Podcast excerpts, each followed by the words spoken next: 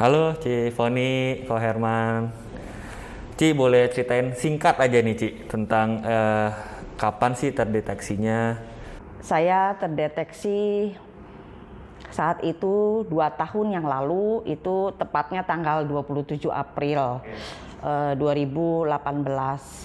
Saat itu eh, sekitar jam 10-an itu ada dada sebelah kanan kok sakit gitu loh. Saya pikir oh mungkin tidak ada masalah, tidak ada apa-apa gitu loh. Tiba-tiba jam 3 sore itu waktu itu masih di kantor. Jam 3 sore kok makin lama makin sakit, makin lama makin sakit. Malah menyerang ke bagian belakang punggung saya. Sakitnya luar biasa, nyeri. Sampai terbungkuk-bungkuk saya. Terus saat itu saya bilang eh, sama Herman suami saya uh, saya udah nggak sanggup lagi nih. Saya pulang yuk saya ke dokter. Saya paling nggak suka sebenarnya ke dokter. Akhirnya ya udah saya minta uh, uh, pulang. Kita saya pikir itu urat kejepit. Uh, karena umur saya waktu itu udah uh, 50-an jadi saya pikir urat kejepit. Karena sebelum itu saya pernah mengalami urat kejepit juga di belakang. Tapi puji Tuhan sekarang Tuhan sudah sembuhkan dengan terapi. Saya pikir mungkin ini akut lagi gitu loh. Nah ternyata uh, kita daftar. Coba coba kontak-kontak keluarga gimana nih? Harus uh, ke dokter mana nih? Kalau ini itu pemikiran manusia ya. Saya berpikir oh ini urat kejepit gitu loh. Ya udah kita uh, telepon sama keluarga. Keluarga bilang oh ini mungkin kamu urat kejepit. Coba deh pergi ke uh, terapi itu ya ke tempat terapi dokter uh, terapi gitu. Nah, kita daftarlah di sana di Mitra Kemayoran. Ternyata dokter tersebut yang sudah didaftar yang tidak pernah nggak maksudnya mereka rutin ya dokter tersebut tuh rutin gitu loh untuk terapi.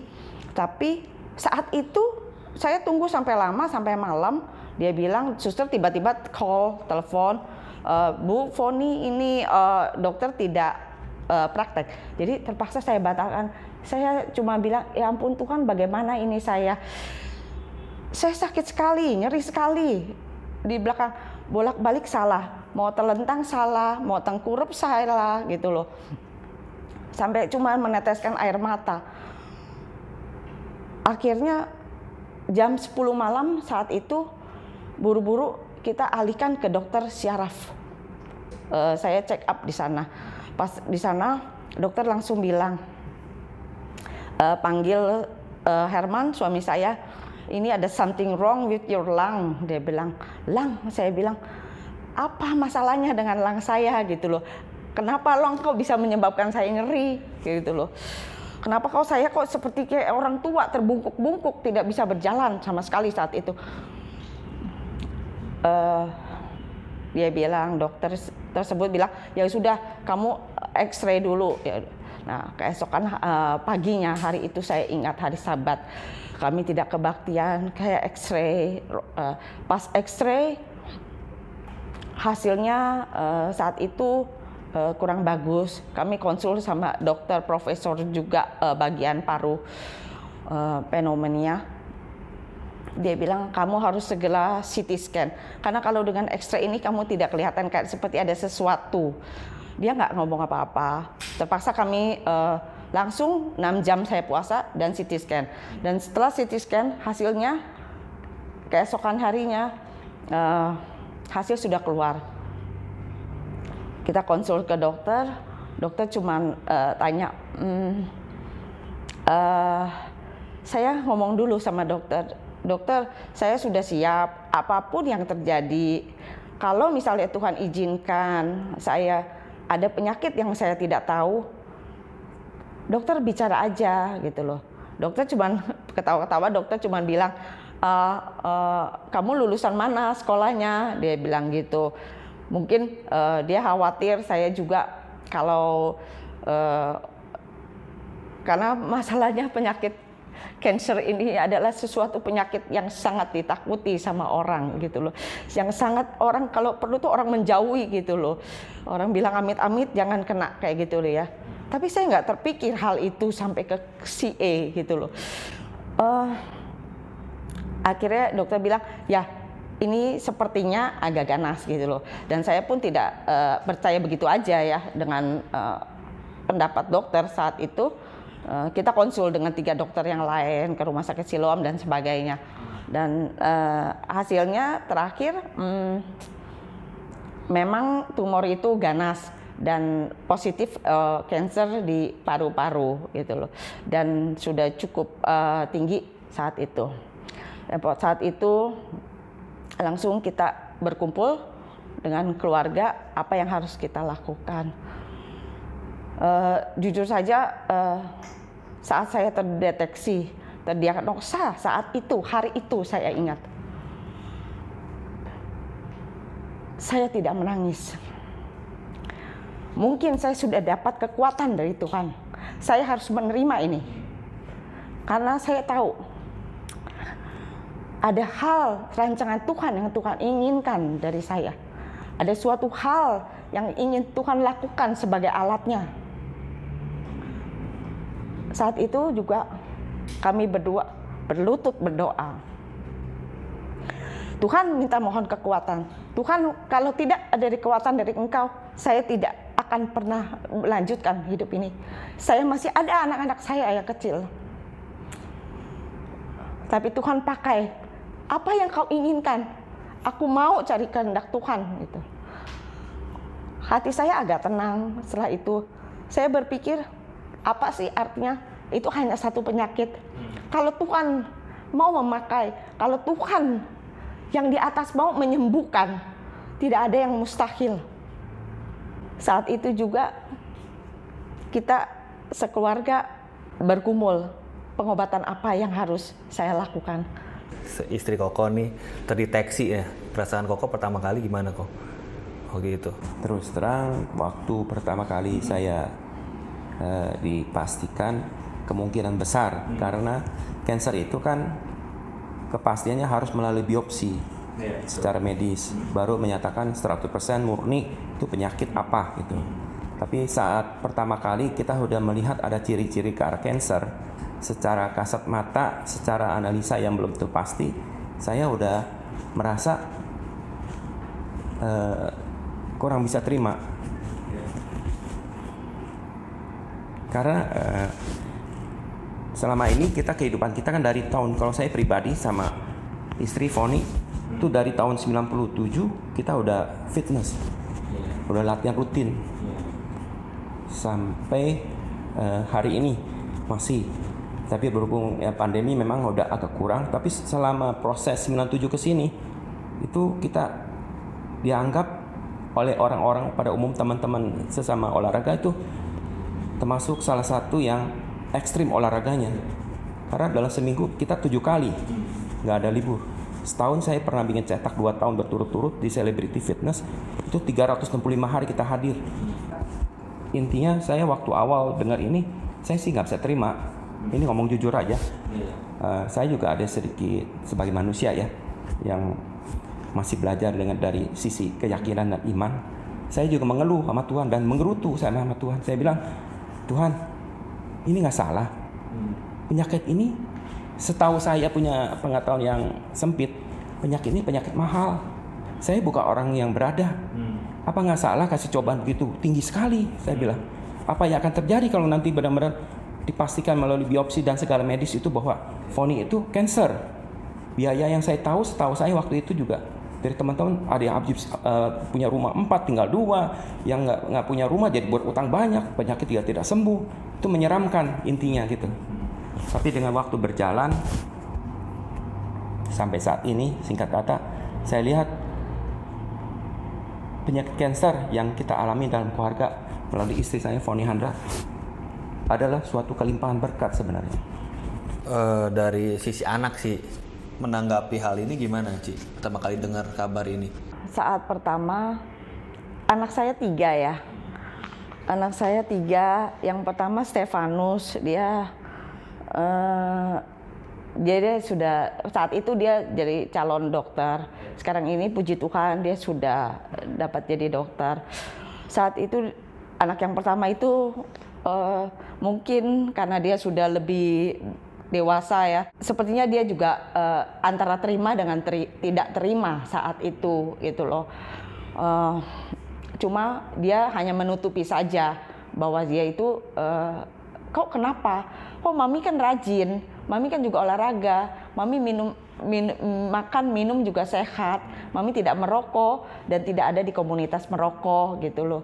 Uh, bergaul dengan dengan yang komunitas yang baik, kok kenapa? Kok bisa jadi paru-paru? Kenapa bisa jadi cancer gitu loh? Uh, jadi mungkin hal yang itu yang pertama dia nggak terima uh, sebagian ya dari hatinya Uh, terus yang kedua uh, Gabriel itu um, memang anaknya kan emang agak diam gitu loh. Jadi uh, dia uh, saya pikir anak itu waktu itu masih umur uh, 15 16 ya. Mungkin masih ada pergumulan, ada bergelut gitu loh dia nggak mau gitu loh maminya uh, kok terkena penyakit ini gitu loh. Ya yang kecil ini yang agak sulit ya untuk Vargas.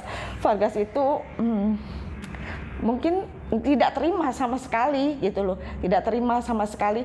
Sampai dia terimanya itu uh, itu pun uh, beberapa bulan uh, yang lalu itu dia baru mau terima bahwa saya itu uh, kena cancer karena dia bilang Tuhan jahat mami. Kenapa Tuhan kok nggak dengerin? Saya berdoa terus buat Tuhan agar mami bisa disembuhkan. Tapi kok Tuhan malah buat mami parah? Kok makin lama kok mami makin parah? Kayaknya dulu mami makin sehat jadi secara logika dia berpikir oh saat mami begini oh mami udah bisa bisa ikut pergi mami bisa hiking gitu loh. Kok sekarang sekarang ini kok mami mami kok hanya terlentang aja tidur pada saat itu mual malah muntah-muntah kok mami kok keadaannya makin memburuk gitu loh nah hal itu yang buat kondisi anak-anak yang tidak terima tetapi saya jelaskan ke anak-anak jelasinnya gimana sih Ci? pelan-pelan hmm. ke anak sampai dia mengerti oh, gitu sampai okay. dia anak yang paham. pertama kita nggak bisa ngomong hanya kasih tahu uh, Stefanus kita harus percaya sama Tuhan. Ada rencana Tuhan gitu apakah kita mau menerima yang baik saja?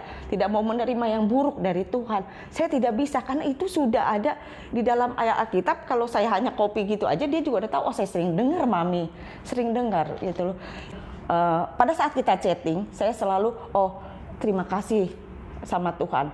Jadi kita uh, melakukan hal-hal seperti terima kasih Tuhan, apa-apa Tuhan, terima kasih, puji syukur, puji Tuhan gitu. Jadi dia tahu kok mami saya kuat ya. Apa ada sesuatu ya? Kenapa ya Tuhan kok membentuk mami saya seperti ini ya? Apakah ada yang nggak benar ya dari diri dia gitu loh? Apakah yang Tuhan inginkan dari dia gitu loh? Apakah suatu perubahan mungkin dari dia yang juga mulai menjauh dari Tuhan? Jadi sisi aura itu yang membuat dia sendiri dia bicara sama saya, mami sepertinya aku mulai menjauh dari Tuhan. Tapi mami tetap beriman, mami tetap kuat ya, gitu loh, bisa terima. Jadi saya mau tetap mendoakan mami, saya juga mau beriman gitu seperti mami gitu loh. Mungkin ada hal-hal yang dia secara tidak langsung Tuhan mengizinkan saya mendapat penyakit ini. Tapi Tuhan memproses saya dan juga Tuhan memproses orang-orang yang di sekeliling saya dan saya yakin itu itu loh. Bukan hanya saya sendiri, bahkan keluarga inti saya, suami, anak-anak saya yang bertiga dan juga di, di sekeliling saya, orang tua saya dan dan itulah yang terjadi anak saya yang kedua pun juga mulai lebih meningkatkan imannya karena dia tahu ini harus dengan Tuhan yang maha kuasa yang bisa membuat uh, mami saya itu bisa seger kembali. Dia juga mau melihat itu. Akhirnya anak yang ketiga itu saya agak sulit sih menjelaskannya karena saya ngomong kan mental gitu loh dia agak karena dia berpikir karena masih umur 13-an ya jadi benar-benar uh, dia berpikir seperti anak kecil sekali saya cuma bilang sama dia Vargas manusia hidup di umur di tangan Tuhan. Semuanya. Hidup mati di tangan Tuhan. Ada masanya. Semua ada masanya. Kita tidak bisa menentukan umur mami manusia tapi Tuhan yang yang menentukan. Kamu mau nggak? Kalau mami mau masuk surga atau mau masuk neraka yang kamu inginkan? Dia jawab, aku mau mami masuk surga. Kalau kamu mau mami masuk surga, berarti mami kan harus beriman sama Tuhan. Mami harus pegang iman mami. Meskipun apa pun yang mami derita saat ini di dunia, harus mami bisa lewati. Karena mami mau mengejar itu. Mami mau masuk surga kan? Iya gitu loh. Nah mungkin dengan hal itu ada masanya, waktunya, saat-saat itu kan kamu juga nggak bisa selalu senang terus. Jadi saat-saat itu dia baru berpikir, oh iya benar gitu loh. Jadi dia mau menerima saya akhirnya gitu. Dari sisi suami, kira-kira hal paling berat apa yang pernah ditempuh kok sejauh ini? Saya jalanin ada beberapa bagian yang berat. Satu, kalau bisa saya kategorikan, satu pasti ekonomi dari sisi keuangan. Karena penyakit ini kan perlu pengobatan yang cukup makan biaya. Selain perlu waktu yang dikorbankan juga cukup banyak. Plus sisi dari hati kecil itu yang paling saya perhatikan. Karena semua yang di luar itu saya biasa siapkan waktu uang saya cari dengan sedemikian rupa. Tapi kalau dari hati kecil hanya saya sendiri yang bisa memastikan bahwa itu bisa diterima atau enggak. Dalam hal ini adalah di saat-saat dia terpuruk.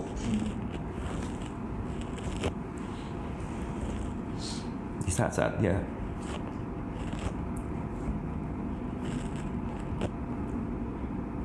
menderita alami hal-hal yang yang sangat menyentuh gitu ya.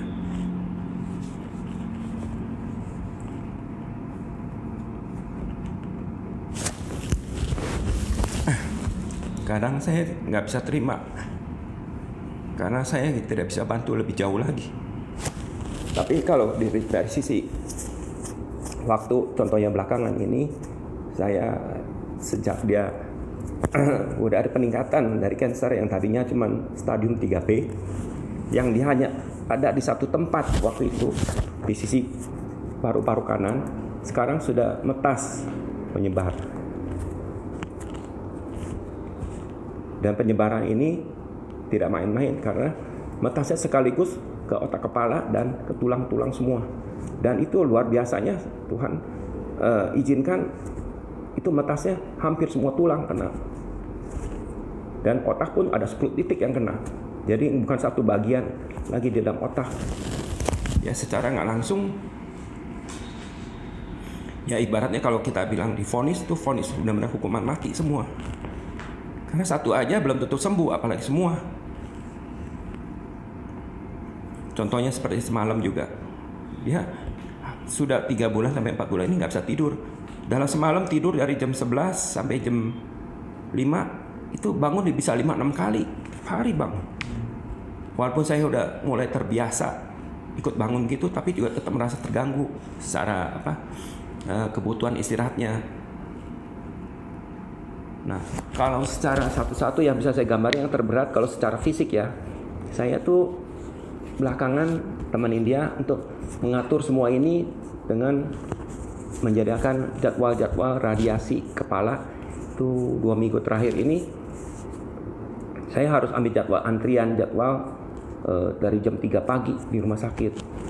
Sampai ketemu lagi siang saya datang kadang malam saya datang. Sehari tiga kali ke rumah sakit kalau itu ada yang kebutuhan lain lagi bisa sampai empat kali. Jadi sebenarnya intinya waktu yang saya siapkan tuh hampir total tuh 70-80% untuk treatment waktu. Tapi saya sih terus terang bersyukur nggak nggak ada keluhan karena saya justru melihat dari satu sisi yang berkelimpahan berkat. Kenapa saya dari awal tadi bilang begitu?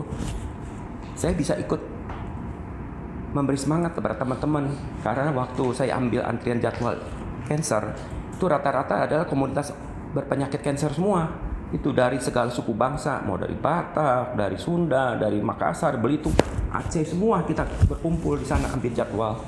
Nah di saat itu saya selalu berusaha berdoa meminta apa Tuhan apa yang bisa saya lakukan terhadap mereka. Jadi selama ini saya sering memberi kekuatan semangat kepada mereka juga itu ada ibu-ibu, ada orang tua, ada anak muda, macam-macam itu jenis. Karena cancer ini kan tidak mengenal umur penyakit ini bisa diderita. Nah, dan kalau dari sisi keuangan, saya sangat berpuji syukur juga. Contohnya waktu tahun kemarin, dikarenakan sesuatu hal eh, selama ini Foni kan pengobatannya melalui makan obat oral cancer yang sudah dijalani 21 bulan sampai dengan November 2019 itu dinyatakan resisten baal dan cancer yang tadinya dari 6 cm ukuran di dalam paru-paru kanan yang sudah pernah mengecil 1 sampai 1,7 cm pada November 2019 membesar lagi menjadi 5 cm. Nah, saat terjadi pembesaran itu, Poni kembali seperti semula. Dia ngomong juga ngap-ngap kayak orang habis lari. Terus uh, banyak hal-hal yang membuat dia tubuhnya ngedrop gitu. Lalu kita ambil langkah berangkat pengobatan ke Guangzhou, China. Ada tantangan yang berjalan. Salah satu adalah masalah keuangan yang pasti. Karena selama ini kita berobat kan melalui BPJS uh, dari Mei 18 sampai November 2019 oral cancernya. Lalu mendadak kita harus melakukan sesuatu langkah besar dalam keuangan di mana kita pun tidak punya kemampuan dalam arti kata nol rupiah. Lalu Tuhan membuka banyak jalan. Dalam hal ini selama terdeteksi Mei 18 Foni ini yang biasanya jam 7 pagi selalu olahraga sekarang kita dan sejak Mei 18 tuh kita selalu bawa doa pagi dulu kebetulan rumah kita kan di daerah utara di Sunter. Jadi kita berdoa di cabang yang di Sunter. Jam 7 sampai setengah 8 selalu begitu. Jam 8 baru fitness. Jadi nomor 2 in uh, fitness sekarang ini. Nah dalam perjalanan doa pagi itu luar biasa Tuhan bekerja. Banyak teman-teman yang menyokong dalam hal uh, rencana kita mau berobat ke Guangzhou. Dalam sisi doa maupun bantuan keuangan. Jadi sehingga uh, terselesaikanlah masalah keuangan itu begitu saja sampai kita berobat sampai habis 300 juta sekian di sana. Hanya hanya lima hari kita berobat 300 juta lebih. Tapi puji Tuhan sangat bersyukur selain keuangan yang dipenuhi Tuhan, pertengahan Januari dinyatakan lagi melalui CT scan kontras itu sudah mengecil ke 1,8 cm lagi. Berjalan dari Januari ke sini makin terjadi perubahan. Perubahan itu kalau kita selalu lihat dari sisi positif kita akan dapat positif. Tapi kalau dari sisi negatif kita pasti mengeluh. Karena apa? Perjalanan dari Januari ke Maret kita selalu cek pas di bulan tiga, bulan 3 masih bagus, bulan 5 masih bagus, normal, stadium tidak naik, uh, hanya di paru-paru kanan. Pas bulan ke-6, ke-7 ke sini semua metas semua. Jadi yang di paru-paru stabil tapi menyebar ke tempat lain yang lebih parah. Nah, itu kondisi yang kita alami sekarang ini. Uh, saya teringat ya waktu itu saat uh, waktu saya mau di biopsi ke Thailand itu pada saat terdeteksi dan kita buru-buru kita mau biopsi di Thailand. ATM, kamu masih ingat nggak? Jadi uh, gini ceritanya yang itu. Uh, di saat kita lagi panik mau cepat-cepat biopsi karena waktu itu kan kita sudah digambarkan ada kemungkinan masalah di paru-paru istilah medis tuh ada tumor. Cuma masalahnya tumor ini jinak atau ganas kan harus melalui biopsi. Jadi waktu itu kita udah terlambat satu mingguan belum ada tindakan apa-apa dari pihak oh, iya. kita sendiri mau treatmentnya seperti apa nah waktu itu kita saking panik kita mau cepat-cepat pesan tiket. Kita pastikan mau biopsinya di Bangkok di Thailand di rumah sakit Bung Rungrat itu. Nah waktu proses ke sana kita mau pasang uh, pesan tiket ada terjadi hal-hal yang yang nggak bisa masuk akal sampai hari ini sih. Hmm, karena kebetulan kita pesannya kan melalui salah satu tiket online. Dalam hal ini Traveloka. Di mana biasa kita pesan tuh nggak ada problem lancar-lancar aja tapi waktu itu nggak tahu gimana waktu saya mau bayar melalui kartu kredit online itu saya masukin kode-kode internet banking BCA itu bisa salah tiga Salah. kali berturut-turut salah pin gitu ya. tiga kali Padahal iya itu udah bertahun-tahun. iya tiga kan? kali salah berturut-turut ah. sampai padahal saya merasa waktu itu waktu saya masuk itu seperti biasa nomor pinnya nggak mungkin salah saya nggak bisa terima terha- terhadap saya punya hasil gitu karena saya pegang kartu itu BCA punya paspor kan nggak pernah dirubah udah dari tahun 96 saya pegang Nah, tapi terjadi begitu aja sampai akhirnya diblokir. rantai tiga kali kan otomatis diblokir oleh BCA.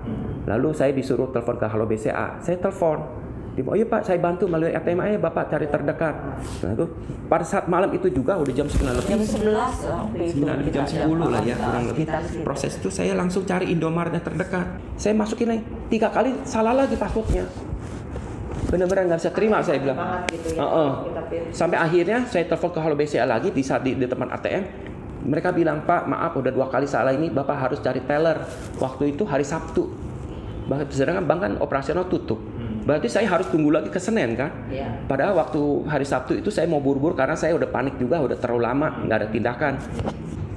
Sedangkan buat penyakit cancer kan satu detik aja bernilai sekali. Karena itu kan penyebaran melalui sel darah cepat sekali menyebar dia. Saya langsung dengan putus asa dan kesal dan pokoknya bercampur jadi satu deh. Iya, ya. uring-uringan. Saya pulang, saya cerita sama istri saya Oh, ke Foni. nggak berhasil. Wah saya nggak berhasil. Dia juga kan kaget masa iya sih bisa salah enam Iya, kali passwordnya. kali. bilang eh, nggak lama ya. Eh, ada telepon dari kakak Dari ipar. koko saya. Ya, kakak ipar, kakak, kakak dari Foni. Dia bilang, eh kamu nggak usah pesen, udah saya pesenin tiketnya. Kamu nggak usah khawatir, saya akan support kamu. Dia bilang, "Eh, semua saya yang pesenin, akomodasi apa, kamu nggak usah khawatir. Aduh puji Tuhan, kok Tuhan tahu gitu loh. Apakah ini yang Tuhan kehendaki gitu loh. Kita berangkat tuh tanggal 15 Desember hari Minggu. Pada saat kita berangkat dan kita ke Guangzhou, aneh yang terjadi. Saya tuh sudah udah ada eh, komunikasi, saya udah ada konfirmasi bahwa saya itu akan dijemput oleh perwakilan rumah sakit. Eh, pada saat eh, saya dan suami mendaratkan eh, kaki saya di Guangzhou, itu hampir ya malam malam-malam gitu loh.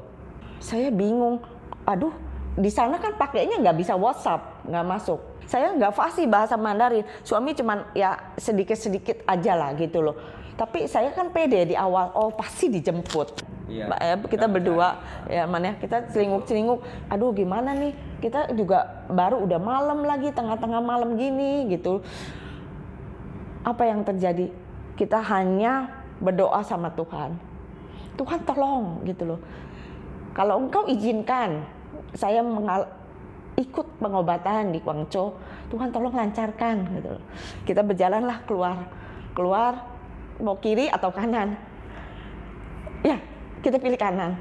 Kita ki- pilih kanan. Waktu itu kita juga pak, saya pakai masker, jadi muka saya juga nggak kelihatan dan saya nggak pernah lihat orang itu gitu loh. Orang itu belum musim COVID-19. ya belum musim covid saya tetap pakai masker katanya untuk perlindungan diri jadi eh, orang itu juga nggak pernah lihat saya. Pas kita udah berjalan aja dengan bawa koper gitu. Kita berjalan bagaimana ini Tuhan? Tuhan sambil berjalan. Tiba-tiba ada satu orang saudara. Dia samperin kita. Dan itu yang menjemput saya itu lain drivernya dengan yang ditunjuk di foto gitu loh. Tiba-tiba dia bisa tegur saya. Kamu yang dari Indo eh, yang mau berobat gitu. dalam bahasa Mandarin. Saya juga kaget dia stopin gitu loh oh, sorry ya saya terlambat dia bilang gitu. Aduh puji Tuhan. Itu bener-bener sesuatu yang kita nggak pernah terpikirkan kalau dalam hal manusia gitu loh. Kalau itu bukan suatu rencana Tuhan yang baik gitu loh. Pengaturan Tuhan dari awal yang baik. Nah itu saat itu juga saya masih di Guangzhou. Saat itu kan eh, kita udah nginep satu malam tapi saya hanya booking satu malam aja hot- hotel. Hanya satu malam hotel. Dan keesokannya kita nggak tahu kita harus tinggal di mana hotel di mana karena saya nggak tahu.